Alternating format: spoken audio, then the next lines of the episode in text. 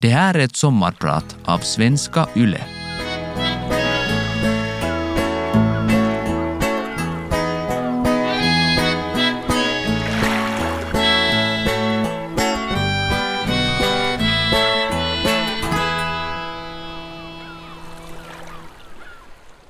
Den här historien börjar i Oslo.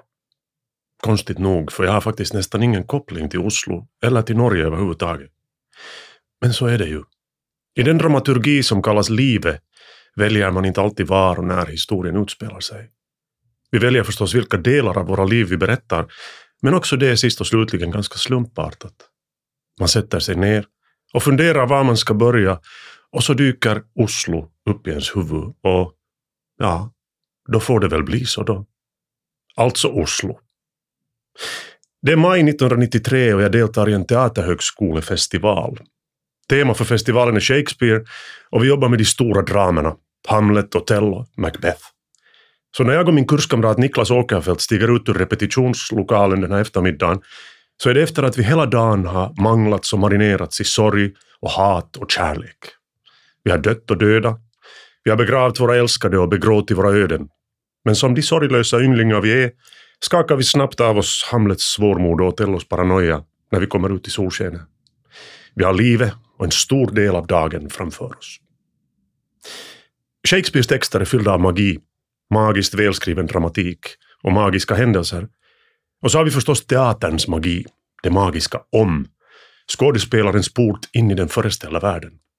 Om jag var prins i Danmark och min farbror hade tagit livet av min far, om, hur skulle jag agera då? Men just den här dagen finns magin inte i Shakespeares värld. Den som står för det märkliga som strax ska hända är inte en vålnad i Helsingör utan en helt ovetande norsk lastbilschaufför. Det är ovanligt varmt för att vara Norge i maj och medan vi går mot hotellet konstaterar någon av oss att nu skulle nog sitta jävligt bra med en glass. Och glass är förstås härligt en varm dag, men jag skulle kanske inte gå så långt att jag skulle kalla det magiskt. Magiskt är däremot det som händer till näst. Knappt har vi uttalat vår önskan om glass, så kör en stor paketbil förbi oss. Bilen svänger till vänster i följande korsning och i samma stund som den svänger öppnas en av bakdörrarna av sig själv. Jag kan fortfarande se det som i ultrarapid. Bilen svänger och ut genom den öppna dörren faller någonting. Paketbilen fortsätter sin färd och är strax utom synhåll. Kvar på gatan ligger två stora lådor av baff. Instinktivt springer jag och Niklas fram till lådorna. För att lyfta bort dem från gatan kanske, men också av nyfikenhet. De ångar där de ligger. Så där som frusna lådor ångar i solsken. Vi ser på varandra och öppnar den ena lådan bara för att bekräfta det vi egentligen redan vet. Den är full med glass. Vi är 21 och livet har knappt börjat. Världen är full av magi och man kan hitta lådor med glass på gatan. Åtminstone i Oslo. Idag är jag 48 år. Jag har inte hittat glasslådor på gatan på länge. Men livet, det är fortfarande överraskande och magiskt. Jag heter Tobias Siriakus. Jag är trebarnsfar, skådespelare och allt möjligt annat. Och just idag är jag din sommarpratare. Välkommen med. Jag har berättat den där historien om glasslådorna i Oslo otaliga gånger. Om hur jag och Niklas tog den ena lådan medan en annan förbipasserande fick den andra. Hur vi sen skrattande sprang till hotellet och gick från dörr till dörr och delade ut glassen. Minne har ristats in i min hjärnbark. För att jag har berättat det. Jag har vårdat det. Vi väljer vilka historier vi berättar. Kanske på bekostnad av andra som vi glömmer eller förtränger. Där blir de sen, för evigt gömda eller liggande på lur som gäddan i vassen, i väntan på att någon eller något ska locka fram dem.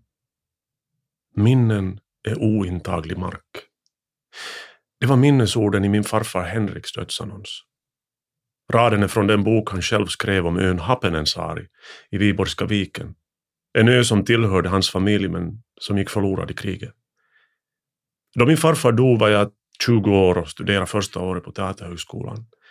Det var innan jag visste att man kunde hitta glass på gatorna i Oslo. Men ändå var jag redan då för upptagen med livet för att riktigt kunna ta in döden. Men den där raden funderade jag på redan då. Minnen är ointaglig mark. Det finns en tröst i den meningen, men också en sorg. För lika värdefulla som de fina minnena är, lika svåra kan de andra minnen vara. Och lika ointagliga. Kanske det skulle vara bra om någon lyckades ta sig in och röva bort en del av de jobbiga minnena som man blev av med dem. Men vad minns vi? Vi minns det bästa och det värsta och en mängd trivialiteter som vi inte ens kan begripa varför vi minns dem. Oförrätter, saker vi ångrar. Men en massa minnen glömmer eller gömmer vi. Nedgrävda skatter på vår mark. En karta där vi kanske har glömt att markera platsen med ett kryss. Men ett är säkert. Om vi berättar för andra var vi gömt skatten så minns vi den också bättre själva. Minnen är ointaglig mark. På gott och ont. En gång föll det ut två lådor med glass på en gata i Oslo. En annan gång föll jag själv ut ur bakluckan på en bil. Det var en Volvo Duett och bilen var så full så jag fick sitta i bakluckan. Duetten är en eh, sorts herrgårdsvagn som en liten paketbil. Jag var kanske fem år och satt väl och fingrade på handtaget för på något sätt öppnades dörren och ut flög jag. Som tur var det ingen hög hastighet och jag kom undan med hål i huvudet och hjärnskakning.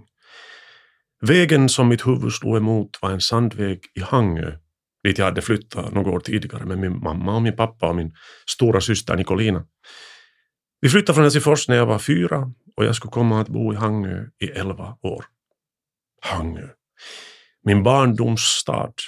Barndomen, då vi formas som människor. Och då minnen skapas. Det är då vi plöjer och sår marken, den ointagliga. För mig var marken de vindpinade sandstränderna, de trollska parkbergen, skolgårdens asfalt och olika hem i olika trähus. Det var fotbollsplanernas doftande gräs, den ekande kuplahallen och skridskobanor och sandvägar som man kunde slå huvudet i. Jag fick ofta hål i huvudet som barn. Förutom ett par vägar i Hangö har mitt huvud spräckts av skridskor och järnstänger mot is och betonggolv och trappor. Min skalle har limmats, plåstrats och sytts. Men i övrigt gick jag tämligen oskadd genom de farliga åren. Åtminstone fysiskt. Mina föräldrar skilde sig kort efter att vi hade flyttat till Hangö och efter det bodde jag främst med min mamma. Medan pappa blev en veckoslutspappa. Skilsmässan var oundviklig och helt säkert rätt beslut. Men i en femåring går någonting sönder när familjen går sönder.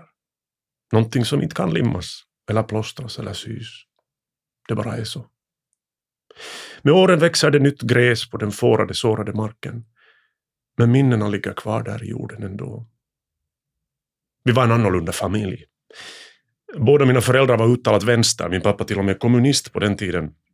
Och i det hanget dit vi flyttade i mitten av 70-talet var det SFP och Jante som styrde. Så kändes det i alla fall. Jag blev mobbad för att vara kommunist innan jag ens visste vad ordet betydde. Mobbarna visste knappast heller vad det betydde så de hade väl snappat upp det hemifrån. Min mamma var och är fortfarande konstnärlig och färggrann. Hon deltog dessutom i kommunalpolitiken och gjorde väsen av sig. Dessutom var ju hela vår familj lite annorlunda för att vi kom från Hesa och pratade svenska på ett annat sätt. Men barn anpassar sig. Jag lärde mig snabbt en bred västnyländsk dialekt och gjorde allt jag kunde för att passa in och bevisa vår familjs normalitet för mina vänner. Och vänner fick jag. Också om jag stundvis kände ett utanförskap i Hangö så fick jag också vänner som blev allt för mig. Relationer som har format mig och gjort mig till den jag är idag. I vått och i torrt, i kärlek och i krig. Ingen nämnd och ingen glömd. Ni vet vem ni är. Året 1987. Det är julfest för Hangö högstadium i Stadshusets festsal. Ute ruvar mörkret och vinterkylan, men inne i festsalen är det varmt och svettigt. Jullovskåta elever och halvt engagerade föräldrar och lärare betittar det obligatoriska julskådespelet. Det är min årskurs som står för teatern. Vi spelar Skattkammarön av Robert Louis Stevenson och det är fart och farliga situationer som man säger. Under ledning av vår biologilärare Thomas har vi övat hela hösten, fixat kläder och till och med lösskägg och peruker. Och jag njuter. Som barn var jag en drömmare och en tänkare. Omgiven av talföra släktingar hände det ofta att jag tog betraktarens roll och inte gav mig in i kampen om munturer. Men här på scenen får jag platsen och uppmärksamheten. Det är en överenskommelse. Det här är min plats, min tid. Och nu är det alltså premiär och enda föreställning. Vi är uppspelta och taggade. Vissa är så taggade att de redan i pauserna börjar dricka av den sprit vi har lyckats införskaffa för festen efteråt. Jag spelar piratkungen Long John Silver. Silver är enbent, vilket vi har löst genialt genom att böja upp och surra fast min fot mot baklåret. Det funkar fint förutom att jag tappar känseln i benet redan innan föreställningen börjar och misstänker att benet kommer att behöva amputeras på riktigt. Nå, äventyret närmar sig sitt slut lika obönhörligt som syre i festsalen. Bakom scenen är firande redan i full gång bland dem som har gjort sin sista sorti. I en av de sista scenerna konfronteras John Silver av en annan pirat. De grälar om någonting, antagligen om var skatten är gömd, det är väl i stort sett det enda pjäsen handlar om. Och den andra piraten hotar Silver med en pistol. Då händer plötsligt det oväntade.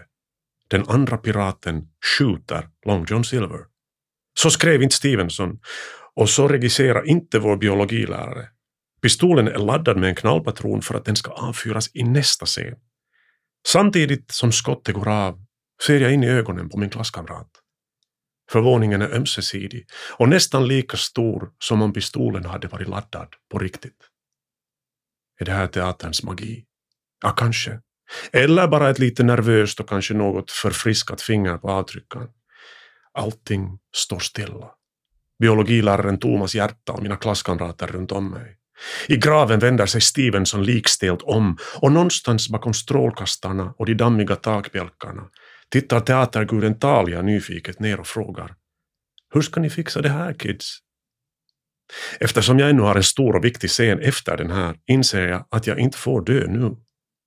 I bråkdelen av en sekund tar jag beslutet som räddar Long John Silver och som kanske ska komma att avgöra mitt eget yrkesval. Jag vänder mig om. Som om jag skulle kunna se kulans färd tätt förbi mig eller höra hur den slår in i en palm bakom mig. Sen vänder jag mig långsamt tillbaka och säger med en isande röst, som till hälften är John Silvers och till hälften mitt eget budskap till min medskådespelare. Tur för dig att du missade, din fehund. Försök inte en gång till! Resten sker som i en dimma.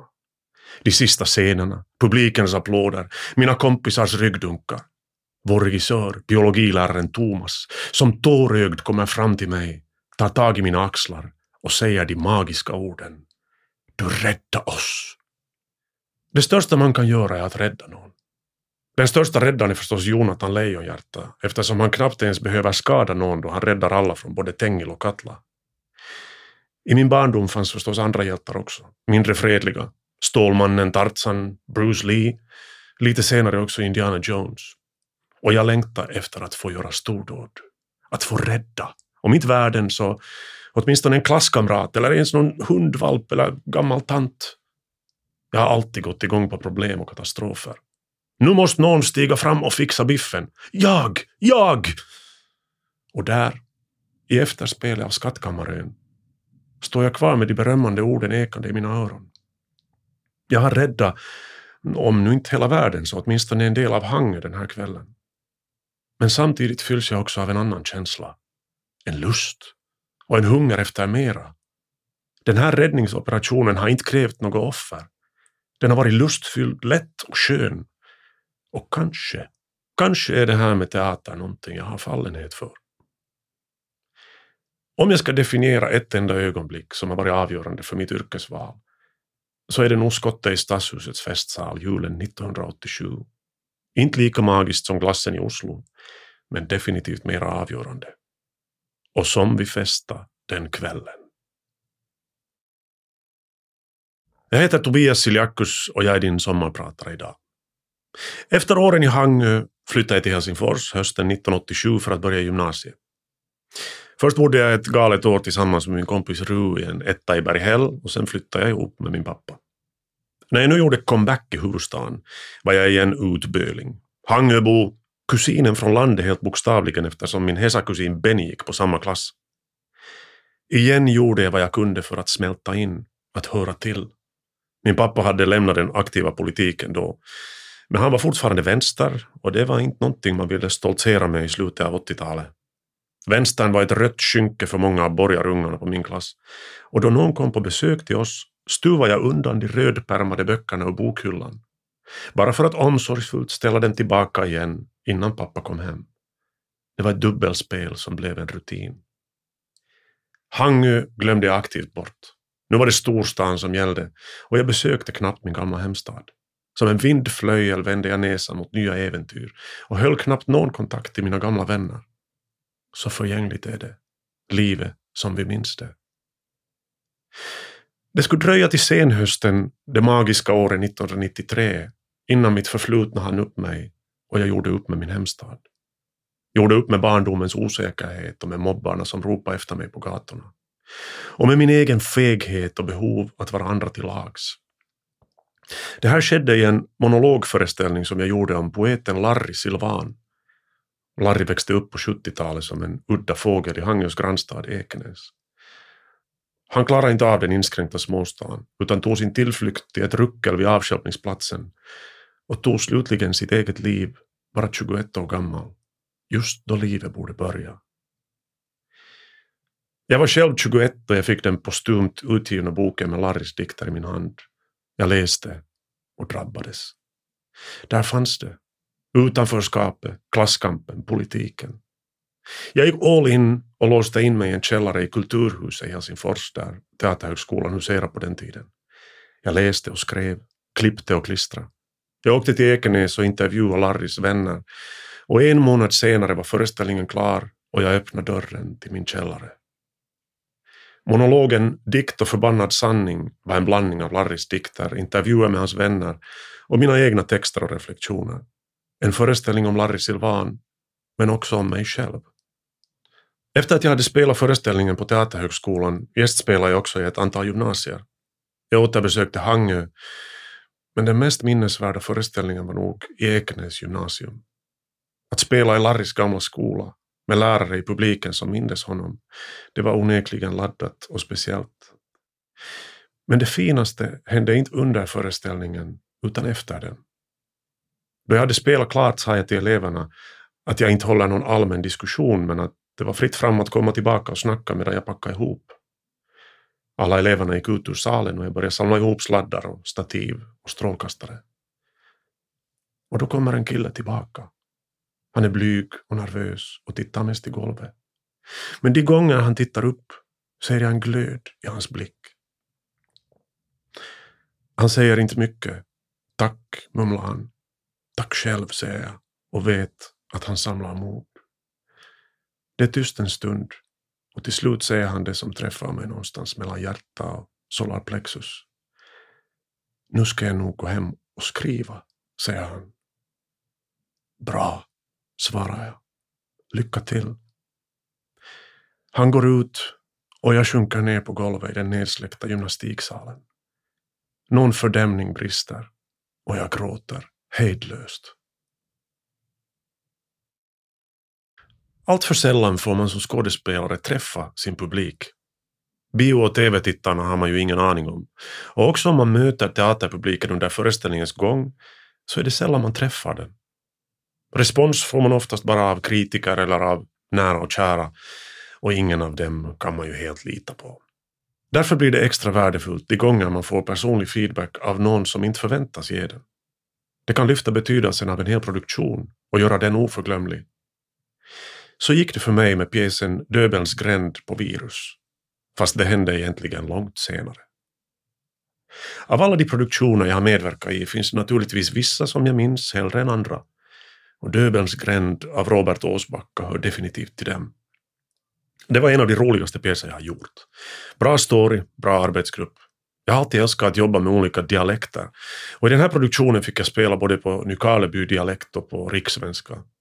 Dessutom fick jag köra truck, steka strömming och äta grismunkar.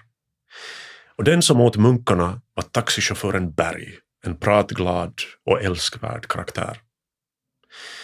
Föreställningen på Virus på Råholmen gick för fulla hus och det kom busslaster från Österbotten för att se den. Det var en fin men kaotisk tid för mig. Året var 2002 och jag och Linda hade precis fått vårt första barn. Dessutom gjorde jag en stor tv-roll samma höst så jag filmade på dagarna och nätterna och så spelade jag teater däremellan. Familjen träffade jag ibland på veckoslutet och fick inget bästa pappapris den hösten. Men ja, Döbelns gränd alltså. Historien om dessa små men stora människor i det lilla Nykarleby var både rolig och sorglig. Sådär som livet. Jag kände igen alla typer från min egen uppväxt i Hangö. Och det var överraskande nog just i Hangö som Döbelns gränd skulle få en vacker men oväntad avslutning för mig. Det är ju teaterträff, juni 2005. Döbelns gränd har spelat färdigt redan två och ett halvt år tidigare. Jag deltar i teaterträffen med en annan produktion och passar samtidigt på att tillsammans med mina kurskamrater fira att det har gått tio år sedan vi blev färdiga. Vi sitter på restaurang HSF i Östra hamnen och har väl hunnit fram till kaffe och konjaken då en man i 50-årsåldern kommer fram till vårt bord. Varken han eller jag är helt nykter och när han lutar sig över min axel är min första tanke nog att vänligt men bestämt be honom gå sin väg. Men jag ändrar mig. Hans ärende är följande. Hans kompis fyller 50 och de firade med ett sällskap i andra änden av salen. Han och kompisen såg tillsammans Döbelns gränd på virus och nu tycker han att det skulle vara en fantastisk överraskning om jag skulle kunna uppträda med taxichauffören Bergs monolog. Den där om då de hade varit i Jakobstad med, med Jim och Aaltonen och Jim ville ha en korv. Mina kollegor tittar lite besvärat på den främmande mannen. Men jag nickar åt honom och säger Ge mig fem minuter. Som ung kunde jag minnas repliker från redan avslutade föreställningar i år efteråt. Nu för tiden raderas replikerna från hårdskivan i samma stund som jag tvättar sminket från ansiktet efter den sista föreställningen. År 2005 fungerar långtidsminne ännu hyfsat och jag lyckas leverera en skaplig version av taxichauffören Bergs monolog inför en häpen och rörd 50-årsjubilar och hans entourage plus några bord omkring som inte begriper varför den där ynglingen står där och halvskriker på österbottniska. Vet ni vad som hänt då vi kom hem från Jakobstad i natt? Jo, Jim ville ha en korv. Hm. Födelsedagsbarnet och hans vänner tackar och belönar mig furstligt i flytande form. Jag återgår så småningom till mitt eget sällskap och tänker inte så mycket mer på det som har hänt. Det tar ett par månader och så får jag ett mejl. Det är mannen som hade firat födelsedagen som skriver till mig. Det visar sig att han några år tidigare hade drabbats av en hjärninfarkt och varit nära att stryka med. Han hade bokstavligen fått lära sig att leva på nytt. Återhämtningen var svår och han led av depression. För att lite lätta på svårmodet hade hans vän tagit med honom på teater. Föreställningen var Döbelns gränd och i sitt mejl berättar han att han där, under föreställningen på Råholmen, hade skrattat för första gången sedan han drabbades av sin sjukdom. Att det blev en vändpunkt i hans väg tillbaka till livet. En vändpunkt. I analysen av en pjäs eller en enskild scen letar man alltid efter vändpunkter, förändringar. Det är kanske det viktigaste i teatern. Skiftningen från en känsla till en annan, eller en plötslig insikt som förändrar livet. Men att kunna bidra till en så stor positiv vändpunkt i någons verkliga liv, det är väl det största teatern kan åstadkomma. Ett skratt som förlänger livet. Tänk om jag hade skickat tillbaka kompisen som kom till vårt bord där på HSF. Då hade jag aldrig fått höra den här historien. Och inte ni heller, för den delen. Men okej, okay det här betyder inte att jag ställer upp på spontana uppträdanden varje gång jag är på krogen. Den där sommarkvällen i Hangö lyckades jag underhålla ett helt bordssällskap trots att det var över två år sedan jag hade spelat rollen senast. Det blev ett hopkok av fragment jag kom ihåg och resten improviserade jag. Min återkommande mardröm är just den här. Att jag ska spela en roll som jag inte har gjort på flera år, tar det med en klackspark, går in på scenen och märker att jag inte minns ett skit. Jag har egentligen ett ganska stort kontrollbehov och kan njuta av exakta koreografier och detaljerad regi. Men samtidigt finns frihetslängtan där. Finns och har alltid funnits. Längtan till leken där allt är möjligt. Och min port till skaparglädjen, till barnet i mig, är improvisationsteatern. I Teaterhögskolan fick jag pröva på improvisation och jag älskade det. Jag kände mig påhittig och kreativ och märkte att improvisationen tvingade mig att vara helt i nuet och hjälpte mig att slippa alla distraktioner. Efter skolan gick jag med i den svenskspråkiga improgruppen Kärnfall och vågade plötsligt ställa mig framför en betalande publik utan att ha en aning om vad som skulle hända. Skräck och lycka. Adrenalin. Inte kanske direkt magiskt, men känslan efter en lyckad improföreställning var, och är fortfarande obetalbar. Ett par år senare fick jag förfrågan om jag ville bli medlem i den finskspråkiga teatern Stella Polaris. Förnuftet försökte hindra mig, men hjärtat skrek ja. Och så blev jag medlem i den grupp som skulle komma att bli mitt andra hem, min älskarinna och min musa i årtionden framöver. Men första gången jag skulle uppträda med Stella var jag stel av skräck. Det här var erfarna improvisatörer, kända skådespelare dessutom som hade hållit på med impro i många år redan. Och så var det på finska. Jag lärde mig finska sent. Jag kommer från en hundraprocentigt svenskspråkig släkt och i Hangö på 80-talet klarar man sig bra på bara svenska. I Helsingfors lärde jag mig så småningom språket men då jag började ställa Polaris var min finska långt ifrån felfri. Och jag var nog rädd. Rädd för att göra bort mig, rädd för att inte duga. Och det höll i sig ett tag. Tills jag i en föreställning gjorde ett riktigt grovt grammatikaliskt fel och hela publiken brast ut i skratt. Först högg det till. De skrattar åt mig. Men sen förstod jag paradoxen. För jag ville ju att de skulle skratta. Och de måste ju få skratta åt mig. Där och då insåg jag att om någon som själv är rädd för att göra bort sig ser en improvisatör som glatt kastar sig ut i det okända, till på köpet på ett språk som inte är hans eget, då kan det ha en förlösande, nästan terapeutisk effekt. Hullu hurri, että se kehtaa. Jag är fortfarande rädd för en massa saker. Men jag har lärt mig att umgås med rädslan. Och idag är min finska nästan lika bra som svenskan. Och det har jag nog improvisationsteatern och Stella Polaris att tacka för. Som så mycket annat. Jag är inte troende. Åtminstone inte i en religiös bemärkelse. Också om jag fortfarande kan förundra mig över glasslådorna som liksom på beställning föll ner framför mina fötter den där varma dagen i Oslo, så vet jag att de föll ut ur en lastbil, inte från himlen. Så pass övertygad är jag om vetenskapliga förklaringar av livet och världen att jag ibland avundas dem som tror på Gud, på mirakel och under. De har kanske mer magi i sitt liv än jag. Men också det vetenskapligt bevisbara livet är ett under. Och vetenskapsmännen som kan förklara det, förunderliga präster med gåvor och förmågor som jag bara kan drömma om. Som barn hade jag en period då jag trodde på Gud. Det var kort efter att min farmor dog. Jag var åtta år och drabbades av en stark dödsfruktan. Min farmor var en väldigt viktig och nära person för mig och saknaden av henne i kombination med rädslan för döden fick mig att vända mig till Gud. Det var nog aldrig så att jag skulle ha känt någon större övertygelse i min tro. Det var mer det rationella barnets sätt att gardera sig mot den slutgiltiga döden. Jag tänkte att ifall Gud mot alla odds finns, så kan jag ju lika gärna tro på honom. Att jag liksom inte hade någonting att förlora. Så jag köpte Nya Testamentet och läste det och bad på kvällarna. Ingen i min familj hörde till kyrkan så jag utövade min kristendom i hemlighet. Det höll kanske i ett år eller så. Sen kom annat, viktigare och Gud glömdes bort. Men också om jag inte tror så har det funnits ögonblick som har fått min icke-tro att svikta. Åtminstone för en stund. Stunder av magi. Stunder då det känns som att det ändå finns någon som styr det hela. Det är sen höst 2007 och vi har premiär med pjäsen Caligula på Virus. Under repetitionsperioden har jag fått ännu ett hål i huvudet. Vid byggande av en läktare faller ett tungt metallrör i huvudet på mig och resultatet är blodigt. Men nu är det premiär och teatern firar sitt 20-årsjubileum och tar samtidigt avsked av det gamla vattenreningsverket på Råholmen som har blivit obrukbart på grund av omfattande mögelskador. Vi skålar för det som har varit, men jag och min hustru Linda skålar i smyg också för det som ska komma. I Lindas glas är det pommack, för hon väntar vårt tredje barn.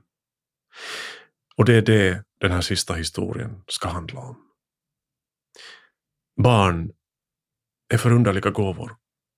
Stunderna då våra barn har fötts har varit magi som till och med överträffar glasslådorna i Oslo. Men nu väntar vi alltså vårt tredje barn, så vi är ju redan vana då vi stegar in på kvinnokliniken för att få se den första bilden på ultraljud. Och där är det lilla krypet, bara ett par månader gammalt men redan livslevande. Vår största oro är ifall vi ska få veta om det är en pojke eller en flicka. Vi vill inte veta. Det blir vad det blir. men vi ska få annat att bekymra oss för. Läkaren undersöker bilden ovanligt länge och konstaterar till slut att fostrets så kallade nackmått verkar vara över den kritiska gränsen. Det betyder en stor risk för en kromosomrubbning, det vill säga att barnet sannolikt har Downs eller Turners syndrom. Vår avslappnat fatalistiska inställning förbyts i ett ögonblick till spänd oro. Vårt barn kan väl inte ha något fel? Inte vårt. Vi blir skickade på fortsatta undersökningar och ett par dagar senare är vi tillbaka på kvinnokliniken, nu för att ta ett så kallat fostervattensprov. En lång nål sticks in genom Lindas magvävnad och suger ut fostervatten för analys. Vi är nervösa och rädda. Sköterskan som tar provet är också nervös. Hon är finskspråkig men gör sitt bästa för att betjäna oss på svenska. Och då hon ska förklara någonting om moderkakan råkar hon säga lite fel. Och hennes fel blir hysteriskt roligt. För istället för moderkaka säger hon mosterkaka. Och jag och Linda, som är livrädda för vad som ska hända för om vårt barn har fler antal kromosomer, vi ser på varandra där i den sterila mottagningen och våra ögon tåras, men inte av sorg, utan för att vi båda håller på att explodera av skratt. Skratt och gråt, sorg och glädje, de är så besläktade med varandra. Det är i stunder av sorg och i stunder av glädje som vi känner att vi lever. Vi ska få svar inom ett par veckor. Men det blir jul och processen fördröjs. Vi försöker fira en normal jul, men den är fylld av oro och rastlös väntan. Läkaren har sagt att om fostret har en avvikelse från det normala har vi juridisk rätt att göra en abort ända fram till vecka 20. Vi enas om att det inte är ett alternativ. Men jag märker att det inte är ett självklart val för mig. Jag tänker på vilka omställningar livet med ett downbarn skulle innebära. Tankarna är själviska och håller mig vaken om nätterna. Vi väntar. Jul går över i nyår och inga besked kommer. Vi vet att vi måste ta vårt beslut nästan genast då vi får svaret. De har sagt att goda nyheter kommer på posten och dåliga per telefon. Vi hoppar till varje gång telefonen ringer och Linda kollar postlådan flera gånger om dagen. Efter trettondagshelgen börjar vi få nog. Vi har väntat på svar i över tre veckor. Det är två dagar efter trettondag. Linda har gått med de äldre barnen till dagis och jag står ute på trottoaren vid vårt hus och röker min morgoncigarett. Där börjar snöa. Ett vackert tätt snöfall med stora lätta snöflingor. Jag minns från tiden då jag rökte att dagens första cigarett var den bästa på hela dagen. Ciggen den här morgonen är bara stresslindring. Men ändå är det någonting i det här ögonblicket som är lugnande. Snöfallet skapar en sagolik, drömsk inramning åt vårt i sig idylliska villaområde. Genom snöfallet ser jag plötsligt tre personer längre bort på trottoaren komma gående mot mig. Då de närmar sig ser jag att det är en äldre dam, sannolikt en mormor eller farmor, med sina barnbarn. Den gamla damen och det ena barnet, en pojke på kanske sju år, passerar mig och på efterkälken kommer en lite yngre flicka släntrande. Hon är klädd helt i vitt. Och då hon kommer fram till mig stannar hon. Hon tittar upp och våra blickar möts. Hon ser på mig och ler med barnets omaskerade, öppna leende.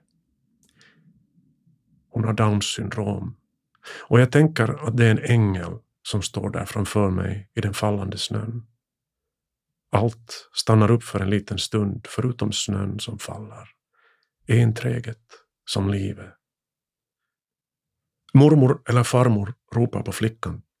Jag kan inte minnas hennes namn, men bilden av henne där framför mig i snön bär jag med mig för evigt. Minnen är ointaglig mark. Och så är hon borta, lika plötsligt som hon kom. Eller var hon alls där? Var det en uppenbarelse? Ett test för mig eller en hallucination? För plötsligt, då jag står där på trottoaren, inser jag att vad det än blir för barn och hur många kromosomer det än må sakna, så ska vi ha det barnet och vi ska älska det. En timme senare, ovetande om vad jag upplevt eftersom jag då redan har åkt iväg till jobbet, orkar Linda inte vänta längre. Efter att ha tittat ner i den tomma postlådan ringer hon så många samtal som det behövs för att få svaret. Det är negativt. Hon förstår inte innan rösten i andra änden säger allt är okej. Okay. Det är inget fel på ert barn. Och ibland när jag ser på Theo, vår yngsta, tänker jag på ängeln i snön. Jag har aldrig sett henne efteråt. Och fortfarande kan jag tänka att det bara var ett prov. Att först då jag accepterat och sagt ja till vad som än må hända, till livet, först då fick vi det lugnande beskedet. Ängeln i snön lärde mig att inte ta livet för givet. Det är magiskt, men oberäkneligt. Man vet aldrig vad som väntar runt knuten. Men hej, det kan vara en låda med glass. Mitt namn är Tobias Siliakus och ni har lyssnat på mitt prat. Denna dag, denna sommar, detta liv.